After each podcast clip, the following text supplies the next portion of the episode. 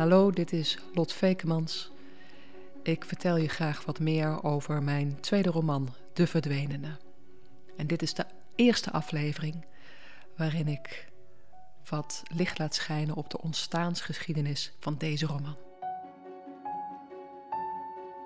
De Verdwenene vertelt het verhaal van Simon, een 50-jarige Nederlander die op zijn 25ste naar Canada is geëmigreerd om eigenlijk te ontsnappen aan de knellende band die hij voelt met zijn tweelingbroer. Het verhaal begint dat zijn neefje Daan bij hem op bezoek komt, 16 jaar, door zijn moeder naar hem toegestuurd omdat hij de weg kwijt is. En zijn moeder denkt dat het misschien een goed idee is als Simon eens een tijdje zijn neef onder zijn hoede neemt. Maar Simon heeft al heel lang een leven waarin hij vooral centraal staat, wat ook eigenlijk alleen maar functioneert als hij alleen is. En de komst van de 16-jarige puber pakt toch wat anders uit. En hij merkt al heel snel dat zijn leven volledig in de war wordt gebracht door de jongen.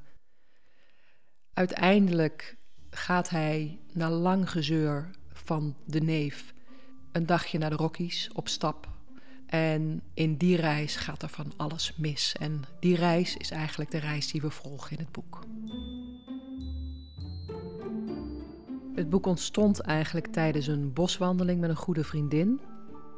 En zij vertelde een verhaal wat in haar familie voorkomt, waarin al generaties lang er een soort vete is tussen twee broers. de generatie van haar opa, haar vader, haar broers.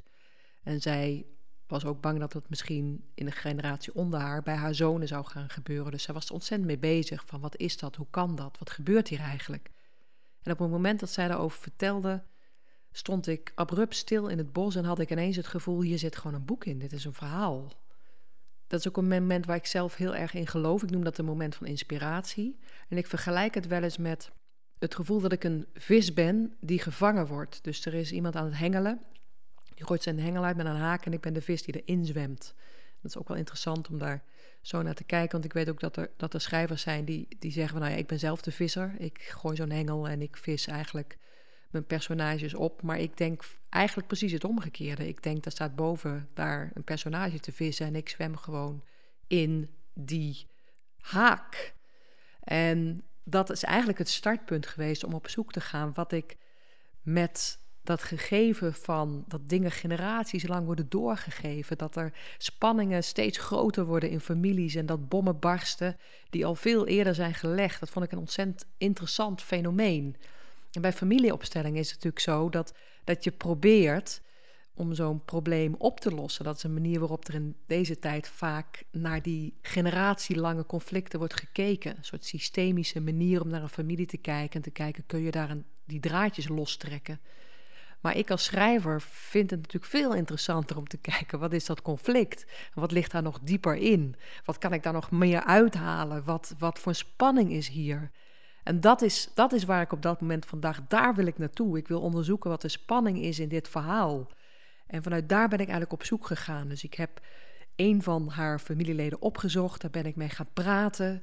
Toen zag ik meteen allerlei verhaallijnen ontstaan en conflicten. En vanuit daar een volledig fictief verhaal, wat zich eigenlijk voor mij uitrolde. En dat verhaal ben ik gewoon stap voor stap voor stap gaan volgen.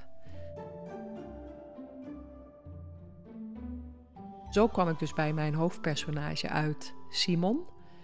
Wat ook echt gebaseerd is op een Simon die een helft is van een een-eigen tweeling maar totaal niet met zijn tweelingbroer overweg kon. Wat ik ook weer fascinerend vind, want meestal zie je dat, dat een tweeling zo twee handen op één buik is. Maar hier dus het tegenovergestelde. Dit was een broer die eigenlijk gebukt ging onder zijn andere een-eiige helft.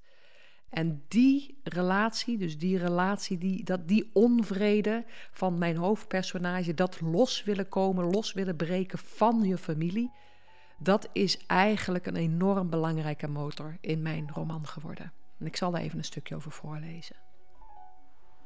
Simon zou onvermijdelijk gestikt zijn in een kansloze imitatie van zijn tweelingbroer Ruud, die alleen op celniveau als twee druppels water op hem leek.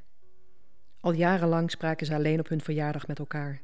Tien minuten bellen, vragen hoe het gaat, antwoorden dat het goed gaat, een paar beleefdheden uitwisselen over werk en gezondheid en als laatste elkaar een goed nieuw levensjaar wensen. Als dat ritueel voorbij was, hingen ze op en duurde het 365 dagen voordat ze elkaar weer spraken. Veel mensen vonden dit vreemd. Simon niet. Als hij langer met zijn broer sprak, kregen ze een meningsverschil.